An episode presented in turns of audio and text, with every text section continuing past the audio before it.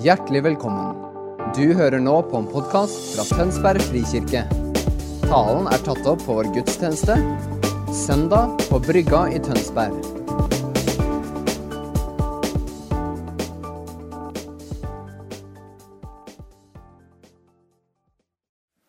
Jesus, vi er her fordi du er. Vi er her fordi du på et eller annet tidspunkt grep hjertene våre. Og ga oss nåde til å si ja til å leve livet vårt med deg, Jesus. Og Denne formiddagen så ønsker vi å si Jesus, du har fortsatt vårt ja. Herre, la din ånd åpenbare ordet for oss denne morgenen. Så vi ser hva du sier til oss. Som enkeltmennesker, som menighet og som fellesskap. Ha din vei i vår midte denne formiddagen, Jesus. Det ber vi deg om. Amen. Det er fjerde søndag i advent. Svigermor sa at det er skittensøndag. Det var da det var lov til å gjøre arbeid sjøl på søndagen for å komme i havn.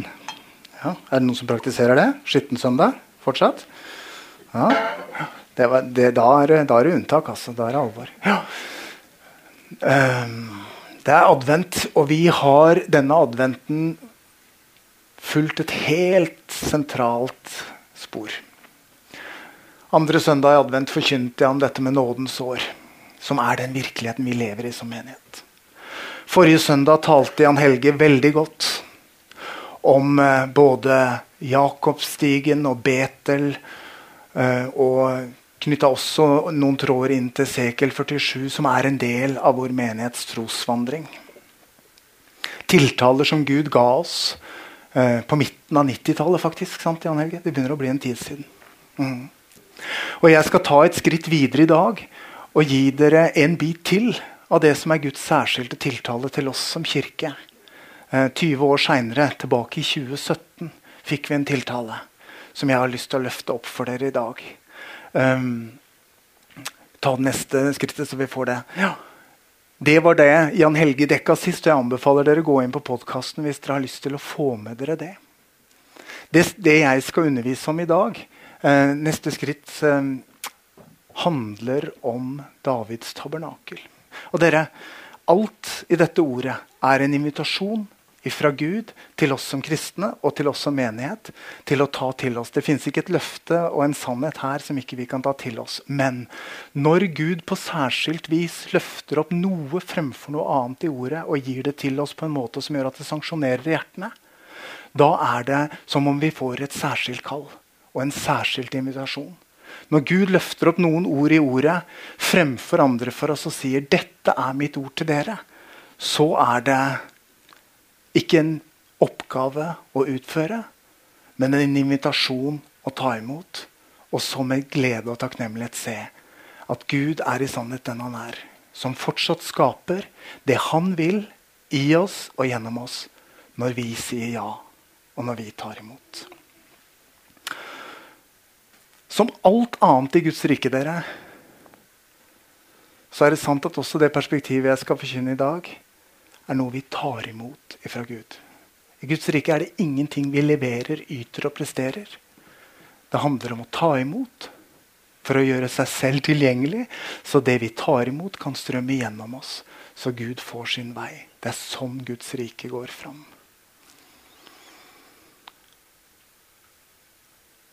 Fordi Jan Helge landa forrige søndag i dette med kjærligheten.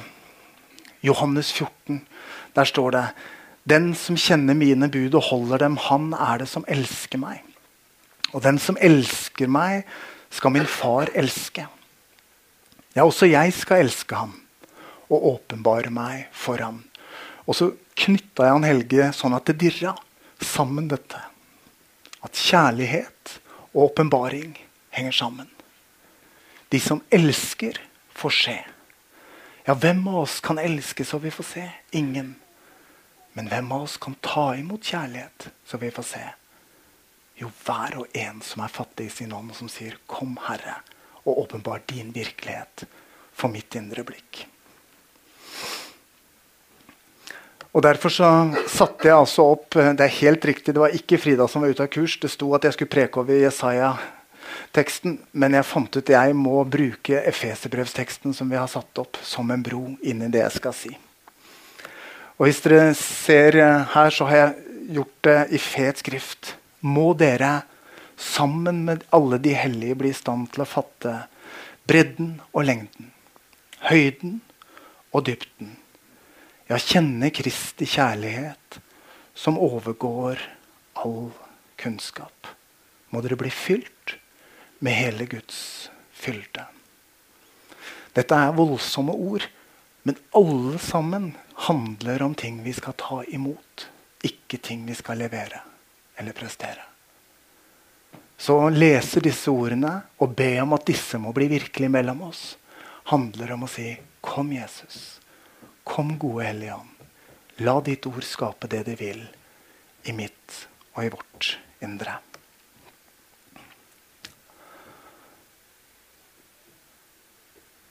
I det vi skal se på den neste tiltalen som Gud har gitt oss, om hvordan han velger å komme dette med Davids tabernakel, så skal vi ta med oss to andre tekster. Den ene er en adventstekst, Romerne 15. Må håpets Gud fylle dere med all glede og fred i troen, så dere kan bli rike på håp ved Den hellige ånds kraft. Ser dere perspektivet igjen? Gud handler, og vi mottar. Vår rikdom kommer av hva vi evner å ta imot, ikke hva vi evner å levere og prestere. Og Tidligere i høst så talte Ole Jakob så godt over eh, Zakaria 12. Men over Davids hus, over dem som bor i Jerusalem, øser jeg ut en nådens og bønnens ånd. Nådens og bønnens ånd. Det er en nøye sammenheng mellom vår bønn og tilbedelse og vår kapasitet til å ta imot og leve i nåden. Og med det som, som overgang så har jeg lyst til å ta dere med inn i dette med Davids tabernakel. For i 2017, når vi var sammen sånn som vi alltid er ved innledningen til et nytt semester, eh, stab, og, og, lytter igjen og spør Gud, hva har du for oss? Så fikk vi et veldig klart eh, bønnesvar. Vi opplevde at Gud sa, 'Jeg vil reise Davids tabernakel over dere.' 'Og dere skal bygge huset av levende steiner.' Med den samme gudsfrykt og ydmykhet som dere søker mitt ansikt, skal dere også bygge.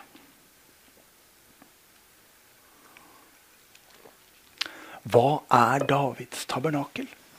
Opp med ham med alle de som er à jour. Ja, det er noen, men det er sannelig ikke mange. Da blir dette nyttig.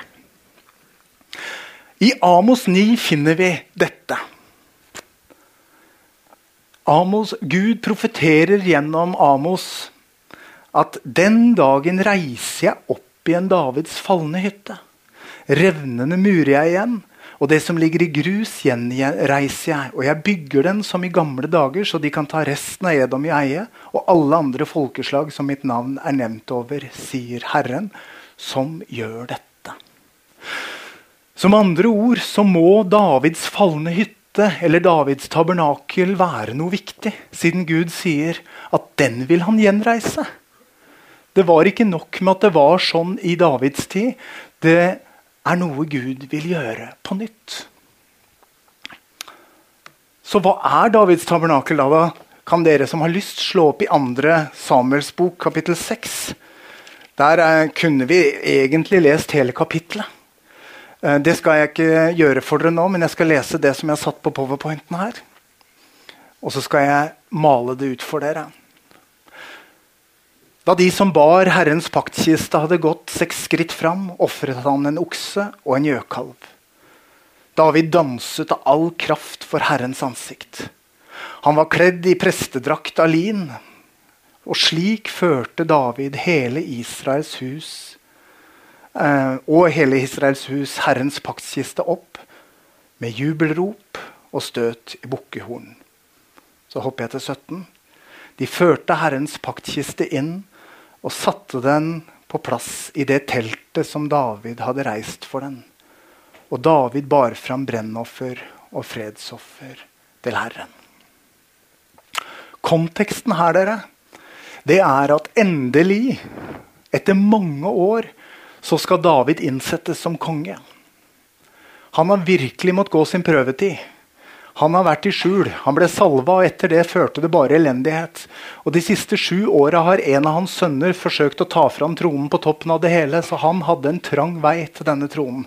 Så det er mulig å se for seg at når det endelig var hans tur, at han skulle kaste på seg de kongelige klærne og triumfere inn i Jerusalem og si 'ta imot kongen' og ta imot hyllesten. Men hva er det David gjør? Han holder på med noe helt, helt annet. For det første David gjør når han blir konge og inntar Jerusalem, er at han henter paktsarken. Symbolet, Det manifesterte symbolet på nærværet av Gud som han vil hente inn. Og hva har han kledd seg med? Ikke prestelig drakt. Nei, ikke kongelig drakt, men prestedrakt. En efod, en prestekjole. Egentlig bare underkjolen. Den var ikke staselig engang. Hvorfor? Fordi David regna seg ikke eh, verdig til eh, å bære en full prestedrakt. Så han hadde efoden, underkjolen, til prestene. Og hva er det han symboliserer idet han går inn i Jerusalem på den måten? Han sier, 'Riktignok er jeg den som er salva til konge.' 'Men jeg er bare en tjener for han som er kongenes konge.'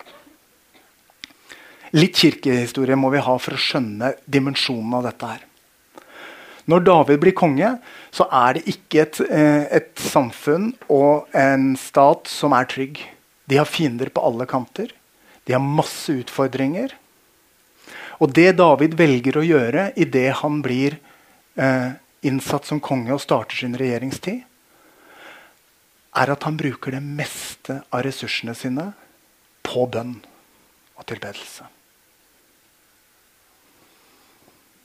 Se for dere Norge 2022.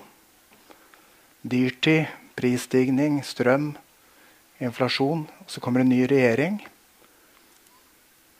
Og så er det en massiv bevilgning til bønn og tilbedelse.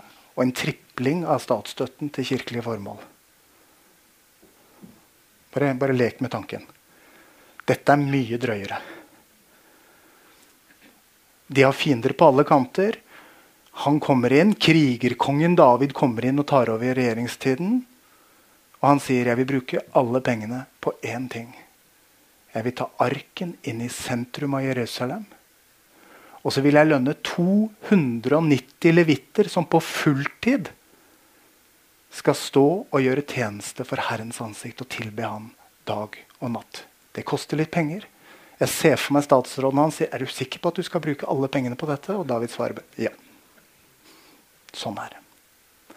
Og saken er dere at når paktsarken kommer inn i dette teltet, så er det avgang for alle folk. Uansett. Det er ikke noe tjukt forheng. Det er ikke noe aller helligste. Alle folk kan komme og tilbe. Og Davids strategi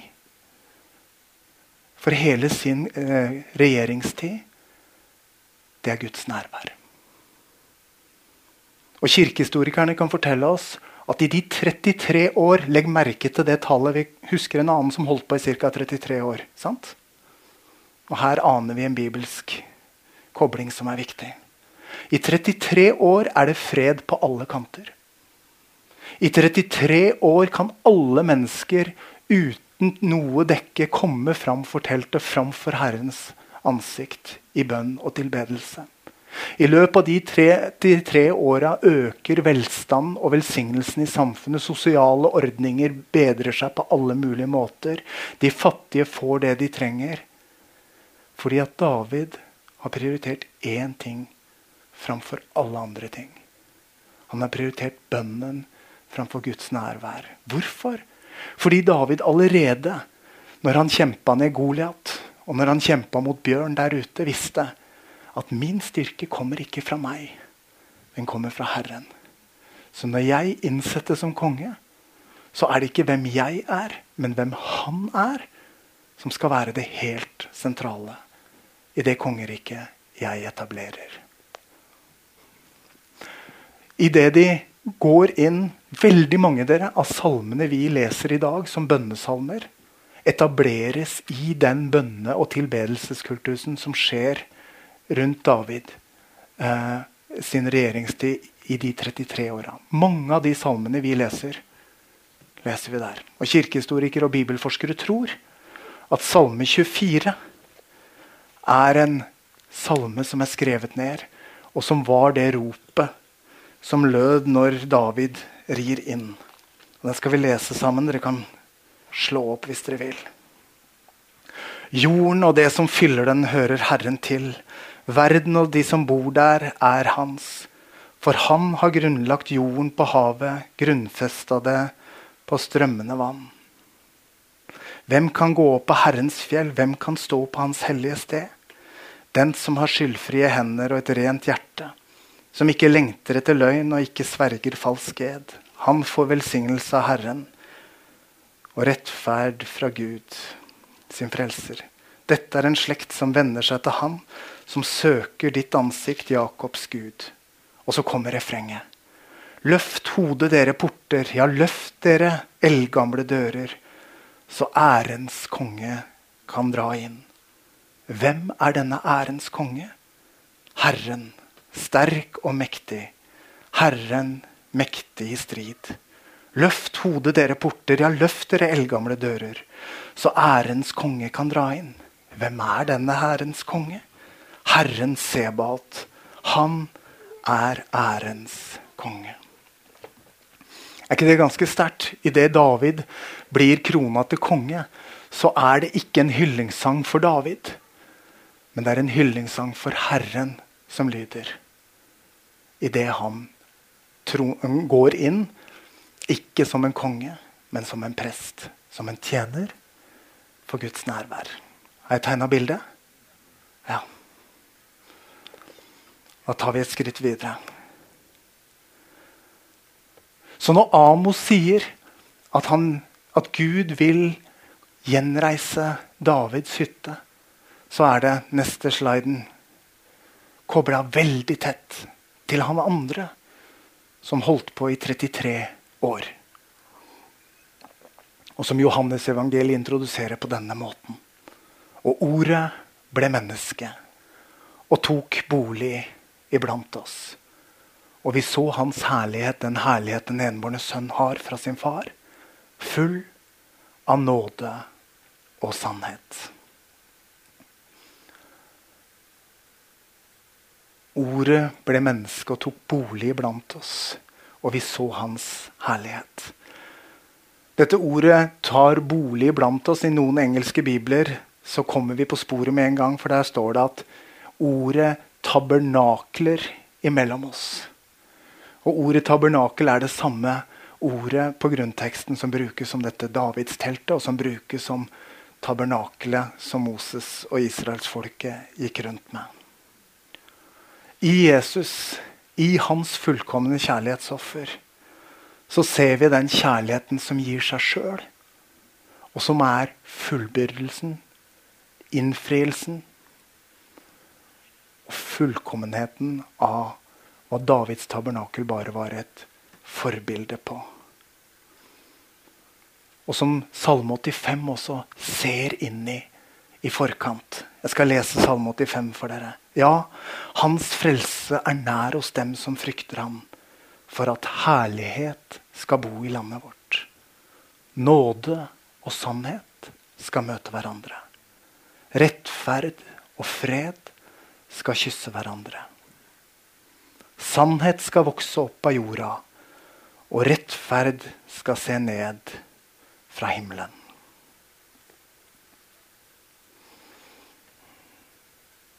Når Jesus kom, så etablerer han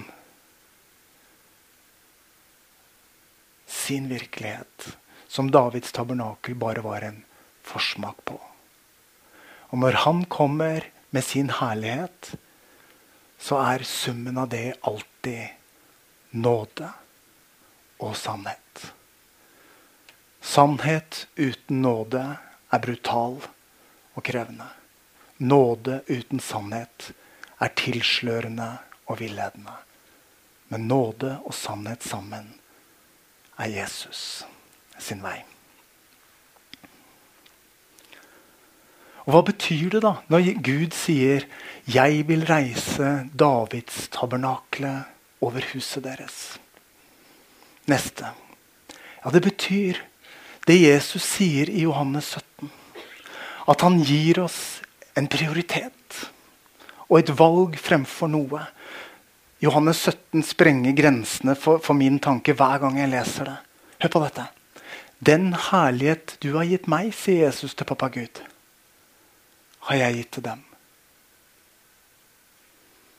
For mange år siden så kom det ut en bok på Presteforeningen som sto det, eh, med tittelen 'Jeg er ikke helt Jesus heller', da. Prikk, prikk, prikk, prikk. Det skulle sikkert være en unnskyldning på et vis. da. Men det Jesus sier i Johannes 17, er at den herlighet han er krona med, gir han til oss. Hvor mye rett har vi til å distansere oss? Eller si at nei, Jesus er én ting, men jeg og mitt er noe annet. Er dere med? Hvordan kommer vi dit? Hvordan blir dette virkelighet? Ja, ikke ved at du og jeg tar oss sammen, ikke med bedring og flid, men ved at vårt fokus er ett. At vårt liv har en, en rytme og en puls som er bønnens og tilbedelsens puls. For bønnen og tilbedelsen og hvilen over ordet er de plassene hvor vi tar imot. Sånn at Jesus får sin vei i ditt liv og i mitt liv. Bønnen og tilbedelsen gjør at Johannes 17 blir virkelig. Den herlighet du har gitt meg, har jeg gitt dem for at de skal være ett slik vi er ett. Jeg i dem og du i meg, så de helt og fullt kan være ett.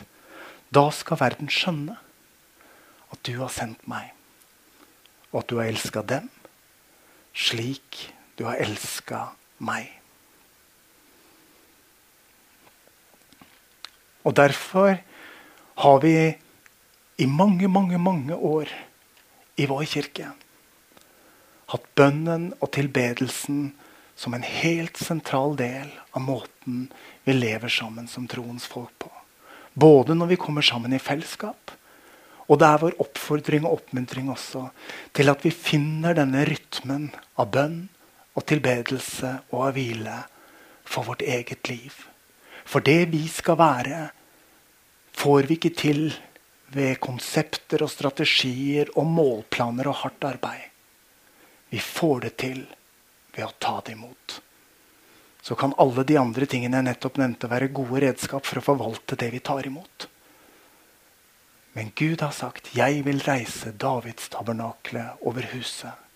Som betyr at idet vi toger inn til det som er vårt mandat i våre hverdagsliv, i våre, på våre arbeidsplasser, eller det som er lagt på oss som menighet å være i vår by, så er det ikke Tønsberg frikirke som er parolen, men Kristi etterfølgere.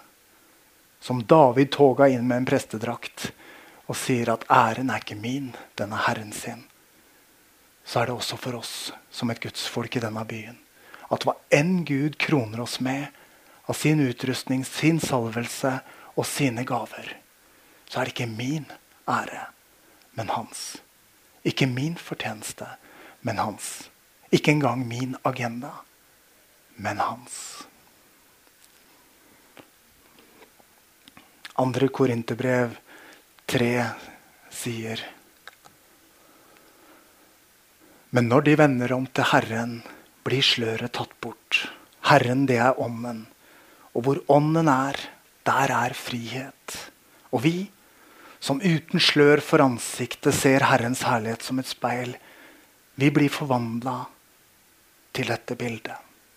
Fra herlighet og til herlighet. Og dette skjer ved Herrens ånd.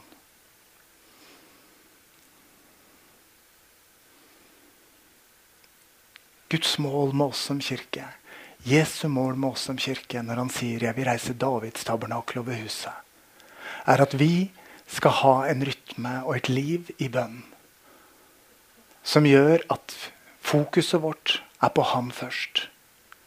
Og det Han gir dernest. Og så til slutt hva vi gjør med det. Davids strategi for sin regjeringstid var bønn og tilbedelse i Guds nærvær. Og hele samfunnet ble forvandla den gangen til det gode. Grensene ble trygga. Sosial rettferd ble etablert. Dere, jeg tror fortsatt det er sånn at hvis vi gjør Jesus og bønnen og fellesskapet med ham til vår første prioritet, så gjør det noe med måten vi lever hverdagene våre på. Det gjør noe med måten vi gjør jobben vår på. Og det gir oss en mulighet til å gjenkjenne Kristi ansikt i de menneskene vi møter gjennom dagen vår. Da spør vi oss ikke sjøl Gud, hva sender du meg til? Fordi vi ser at de menneskene vi møter i vår dag, er satt der for at vi skal være til velsignelse for dem. Et par andre bibelvers helt på tampen. Eh, Romerne 8,29. Den som han på forhånd har vedkjent seg, har han også på forhånd bestemt til å bli forma etter sin sønns bilde. Så han skal være den førstefødte blant mange søsken. Det er sterke ord, dere. Jesus ber ikke om å være enestående. Han ber om å være en blant oss. Fordi at han har fått sin vei i oss, så vi ligner på han. Sånn at den verden som ennå ikke kjenner Jesus, har mange å se til for å finne ut hvem han er. Vi skal gå inn for landing. Jeg skal gå inn for landing. Dere sitter rolig. Guds invitasjon til oss er intimitet og relasjon. Og Davids tabernakel er Guds proklamasjon. Et gammeltestamentlig forbilde på en invitasjon og en gave til hver og en av oss. Han vil intimitet og nærhet og personlig fellesskap med hver og en av dere. Og denne adventssøndagens invitasjon er Vil du ta imot mer av hans skapende nærvær? Akkurat der du er.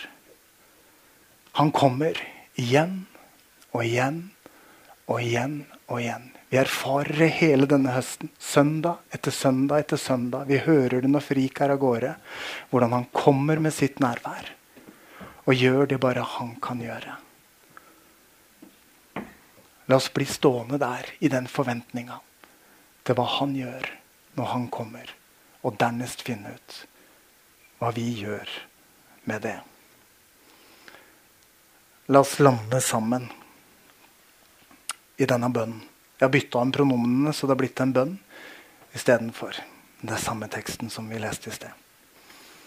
La oss be den sammen. Derfor bøyer vi våre knær for Far, Han som har gitt navn til alt som kalles Far i himmel og på jord. Må Han som er så rik på herlighet, gi vårt indre menneske kraft og styrke ved sin ånd må Kristus ved troen bo i våre hjerter, og vi stå rotfestet og grunnfestet i kjærlighet. Må vi sammen med alle de hellige bli i stand til å fatte bredden og lengden, høyden og dybden, ja, kjenne Kristi kjærlighet som overgår all kunnskap.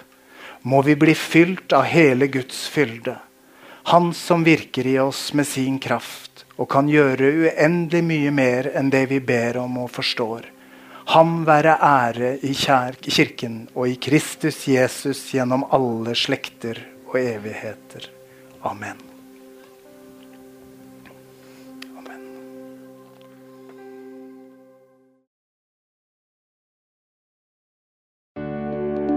Takk for at du hørte på vår podkast. Har du spørsmål eller ønsker du å vite mer?